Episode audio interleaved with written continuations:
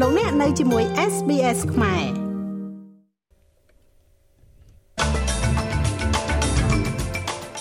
រដ្ឋាភិបាលប៉ា Labor នៅតែស្ទាក់ស្ទើរចំពោះគោលនយោបាយកាត់បន្ថយពន្ធលើប្រាក់ចំណូលបុគ្គលមានការប្រមានពីចំនួនទឹកភ្លៀងដែលអាចកើតមានឡើងនៅក្នុងរដ្ឋ New South Wales ស្ថាប័នកម្ពុជាដែលតំណាងឲ្យវិជ្ជបណ្ឌិតពិនិត្យជំងឺទូទៅរបស់អូស្ត្រាលីកំពុងរៀបចំកិច្ចប្រជុំកម្ពុជាបន្ទាន់មួយ។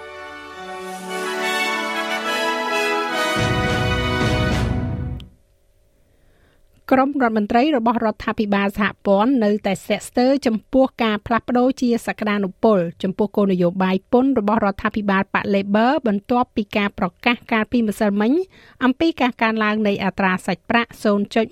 0.25%ឡើងដល់2.6%ហើយ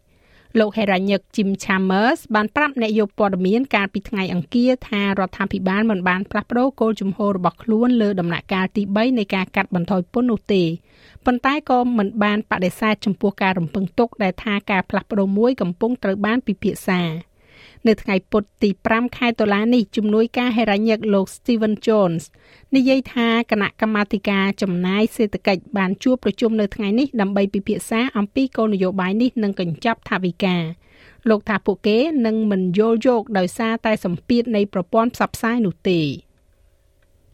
I'm not going to get caught up in silly games of rule in rule out ខ្ញុំនឹងមិនជាប់នៅក្នុងលបែងឈួតលីលានៃការដូរចេញដូរចូលនោះទេគ្មានការផ្លាស់ប្ដូរចំពោះគោលនយោបាយរបស់យើងទេប៉ុន្តែអ្វីដែលយើងកំពុងឆ្លងកាត់នាពេលនេះគឺបញ្ហាប្រឈមនៃការរៀបចំកញ្ចប់ថវិកាក្នុងស្ថានភាពសេដ្ឋកិច្ចដ៏លំបាកមិនគួរឲ្យជឿការសម្រេចចិត្តរបស់យើងនឹងមិនធ្វើឲ្យមិនធ្វើឡើងដោយផ្អែកលើមូលដ្ឋាននៃការឆ្លក់វង្វេងនយោបាយនៅជុំវិញរឿងនេះទេ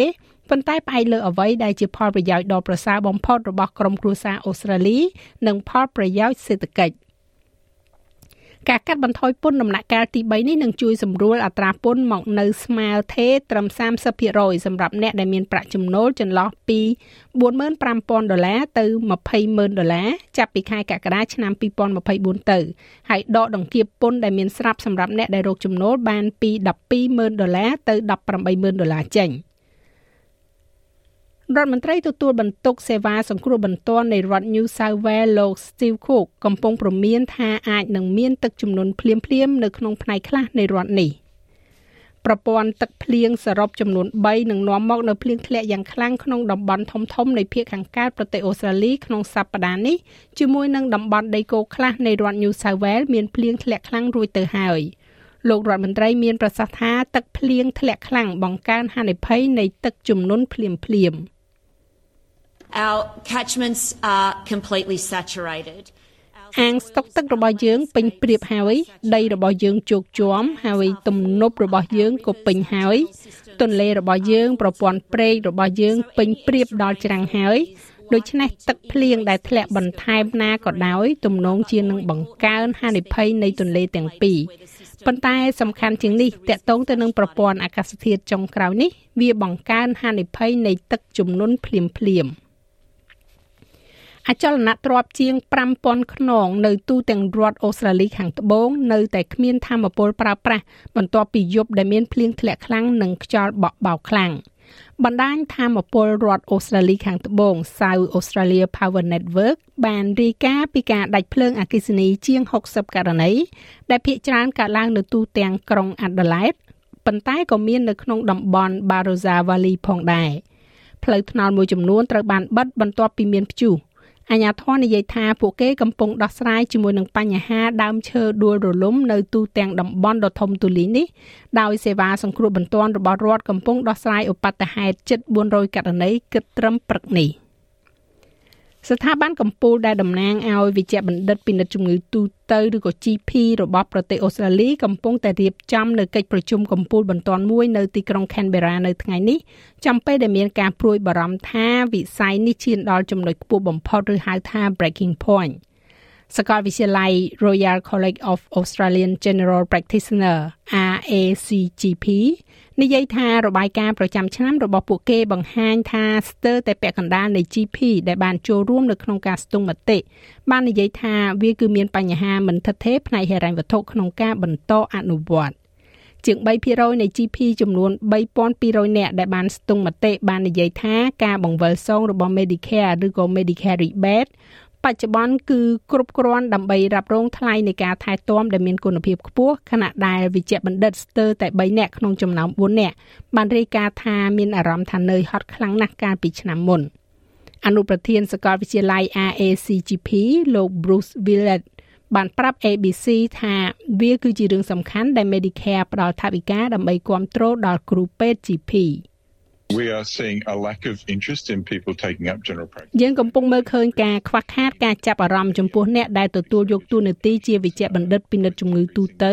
និងការកើនឡើងនៃការចំណាយបន្ថែមពីហោប៉ៅអ្នកជំងឺមូលហេតុទាំងពីរនេះកំពុងកាត់បន្ថយលទ្ធភាពដែលអាចទៅជួប GP បានវាពិតជាដល់ពេលវេលាដែលបញ្ហាទាំងពីរនេះត្រូវបានជួសជុលឡើងវិញ។ ក្រុមហ៊ុនមួយដែលរោងចក្ររបស់ពួកគេត្រូវបានបំផ្លិចបំផ្លាញដោយទឹកជំនន់នៅទូទាំងភូមិខាងជើងនៃរដ្ឋ New South Wales កាលពីដើមឆ្នាំនេះបានបញ្ជាក់ពីគម្រោងសាងសង់ប្រតិបត្តិការរបស់ពួកគេឡើងវិញនាយកប្រតិបត្តិក្រុមហ៊ុន Noco លោក Michael Hampson មានប្រសាសន៍ថាក្រុមហ៊ុននឹងសាងសង់រោងចក្រផលិតការ៉េមរបស់ខ្លួនឡើងវិញក្នុងទីក្រុង Lismore ដោយប្រើជំនួយឥតសំណងចំនួន34លានដុល្លារពីរដ្ឋាភិបាលថ្នាក់រដ្ឋនិងរដ្ឋាភិបាលសហព័ន្ធក៏ដូចជាប្រាក់ជំនួយទី2បានមកពីមូលនិធិកំណើនប្រចាំតំបន់ជនបទឆ្នាំ2019ដែលមិនធ្លាប់បានប៉ះពាល់រហូតមកទល់ពេលបច្ចុប្បន្ននេះសេចក្តីប្រកាសនៅថ្ងៃនេះ ធ្វើឡើងបន្ទាប់ពីការបញ្ឈប់បុគ្គលិករោងចក្រចំនួន170នាក់នៅក្នុងខែកញ្ញាលោកនាយករដ្ឋមន្ត្រី Anthony Albanese បានប្រាប់អ្នកយកព័ត៌មាននៅពេលនោះថាលោកយល់អំពីផលប៉ះពាល់ដែលការសម្រេចចិត្តបានធ្វើឡើងប៉ុន្តែមានទំនុកចិត្តថាក្រុមហ៊ុននឹងត្រឡប់មកវិញជាមួយនឹងទឹកប្រាក់ចំនួន30លានដុល្លារដែលបានផ្ដល់ឲ្យពួកគេរួចហើយ I would hope that uh, Norco Norco ខ្ញុំសង្ឃឹមថា Norco មើលថែបុគ្គលិករបស់ពួកគេ ពួកគេនឹងបន្តធ្វើការជាមួយនឹងលោកអភិបាលរដ្ឋ Perrote លើបញ្ហាទាំងនេះខ្ញុំដឹងថាទន្លេភាគខាងជើងបានរងទុក្ខយ៉ាងខ្លាំងរួមទាំងអាជីវកម្មផងដែរប៉ុន្តែយើងបានផ្ដល់ការគ្រប់គ្រងយ៉ាងច្រើនក្រុមឃ្លាំមើលសាជីវកម្មរបស់អូស្ត្រាលីកំពុងតែប្តឹងក្រុមហ៊ុន Harvey Norman ជំវិញការផ្សព្វផ្សាយពីវិធីបង់ប្រាក់ដោយមិនគិតពីការប្រាក់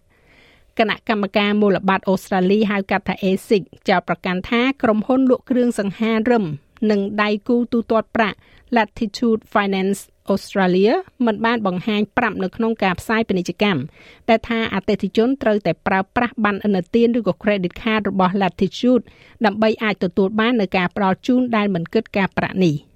អនុប្រធានរបស់ ASIC លោកស្រី Sarah Court និយាយថាក្រុមហ៊ុន Latitude និង Harvey Norman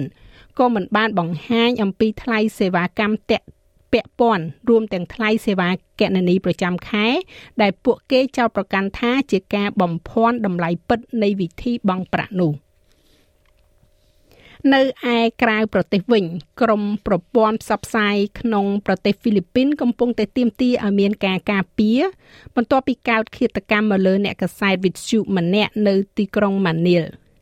ពិធីករវិទ្យុលោក Percival Masaba អាយុ63ឆ្នាំត្រូវបានអ្នកវាយប្រហារ2នាក់សម្លាប់នៅច្រកទ្វារនៅបរិវេណលំនៅឋាន ក្នុងតំបន់ Las Pinas នៃទីក្រុង Manil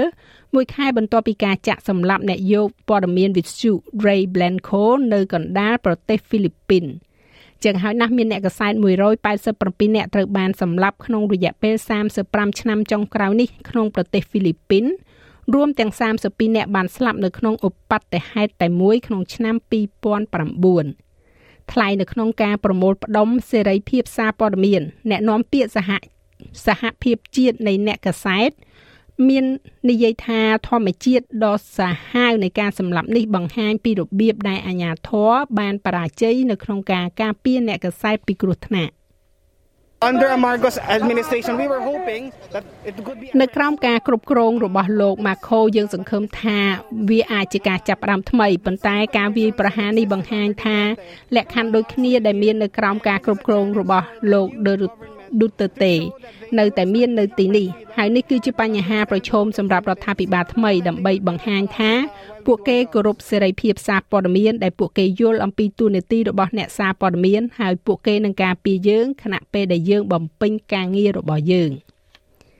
នៅក្នុងប្រទេសកម្ពុជាវិញអ្នកនាំពាក្យក្រសួងការបរទេសកាលពីម្សិលមិញបានចេញនៅសេចក្តីថ្លែងការណ៍មួយដោយលើកឡើងថាកម្ពុជាសម្ដែងការព្រួយបារម្ភចំពោះការបាញ់សាកល្បងកំជ្រួចមីស៊ីលផ្លោងរបស់កូរ៉េខាងជើងសេចក្តីថ្លែងការណ៍ខ្លីនេះបញ្ជាក់ថាកម្ពុជាសូមសម្ដែងការព្រួយបារម្ភចំពោះការបាញ់សាកល្បងកំជ្រួចមីស៊ីលផ្លោងដែលធ្វើឡើងដោយសាធារណរដ្ឋប្រជាមានិត ប្រជាធិបតេយ្យកូរ៉េកាលពីថ្ងៃទី4ខែតុលាឆ្នាំ2022ដែលជាការរំលោភមួយទៀតលើសេចក្តីសម្រេចចិត្តរបស់ក្រុមប្រឹក្សាសន្តិសុខអង្គការសហប្រជាជាតិនិងដែលអាចបង្កឲ្យមានភាពតានតឹងនិងគំរាមកំហែងដល់សន្តិភាពនិងស្ថិរភាពក្នុងតំបន់ចាស់ឲ្យសេចក្តីរាយការណ៍លម្អិតលោកមេងផល្លានឹងជម្រាបជូននៅវគ្គក្រោយបន្តទៀតឬលោកអ្នកអាចបើកស្ដាប់របាយការណ៍ពេញលើគេហទំព័រ sbs.com.au/ ខ្មែរ នៅក្នុងព័ត៌មានកីឡាថ្ងៃនេះអ្នកស្រុករាប់រយនាក់ក្នុងខេត្តម៉ាឡាងនៃប្រទេសឥណ្ឌូនេស៊ីបានប្រារព្ធពិធីបួងសួងយ៉ាងធំសម្បើមមួយជាការរំលឹកដល់ជនរងគ្រោះនៃការរត់ជន់គ្នាស្លាប់នៅក្នុងការប្រកួតបាល់ទាត់មួយកាលពីសប្តាហ៍មុនអ្នកចូលរួមក្នុងពិធីគោរពវិញ្ញាណក្ខន្ធនេះបានបួងសួងនិងអុជទៀនជូនដល់អ្នកស្លាប់និងអ្នករងរបួសក្នុងទីធ្លានៃកីឡាដ្ឋាន Kanjuruhan ដែលចំនួនអ្នកស្លាប់ឥឡូវនេះកើនឡើងដល់131អ្នកហើយ។ យុវជនលីឡូមូដេយ៉ាឌីអាយុ17ឆ្នាំនិយាយថារូបគេមានវត្តមាននៅទីនោះដើម្បីធ្វើការគោរព Kenapa kok sampai ada gini? ខ្ញុំសោកស្ដាយដែលវាកើតឡើងដូចនេះតាមដែលខ្ញុំដឹងថាมันមានការបាញ់មិនដែលមានការបាញ់ឧស្ម័នបង្ហូរទឹកភ្នែកក្នុងការប្រកួតបែបនេះទេតាមគំនិតរបស់ខ្ញុំសកម្មភាពរបស់មន្ត្រីគឺខុសខើ ទន្ទឹមនឹងនេះក្រុមអ្នកស៊ើបអង្កេតកំពុងបន្តការស៊ើបអង្កេតរបស់ពួកគេដោយសម្លឹងមើលលើការប្រើប្រាស់ឧស្ម័នបង្ហូរទឹកភ្នែកដែលត្រូវបានហាមឃាត់ខណៈដែលវិធានការគ្រប់គ្រងវងមនុស្សធ្វើឡើងដោយស្ថាប័នគ្រប់គ្រងបាល់ទាត់ពិភពលោក FIFA ហើយរាយការណ៍ថាយ៉ាងហោចណាស់ច្រកចេញចំនួន3នៅកីឡាដ្ឋានត្រូវបានចាក់សោកាលពីយប់ថ្ងៃសៅរ៍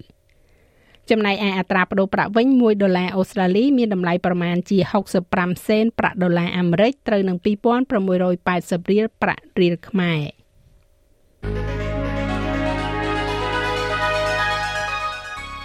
ឥឡូវយើងក៏លេខមកមើលការព្យាករណ៍អាកាសធាតុសម្រាប់ថ្ងៃប្រហ័សស្អែកនេះវិញទីក្រុងផឺតមានពពកដោយពេល19អង្សាអាដាលេដរលឹម 23អង្សា មែលប៊នរលឹមបន្តិចបន្តួច21អង្សារលឹមដូចគ្នានៅហូបាត15អង្សា មានភ្លៀងធ្លាក់នៅខេនប៊េរ៉ា15អង្សាភ្លៀងដូចគ្នាដែរនៅស៊ីដនី20អង្សា ស្រដៀងគ្នានេះនៅ Brisbane 23អង្សា អាចនឹងមានរលឹមនៅ Cairns 30អង្សារលឹមអាចនឹងមានព្យុះនៅ Darwin 33អង្សា ទីក្រុងភ្នំពេញមានផ្គររន្ទះ31អង្សា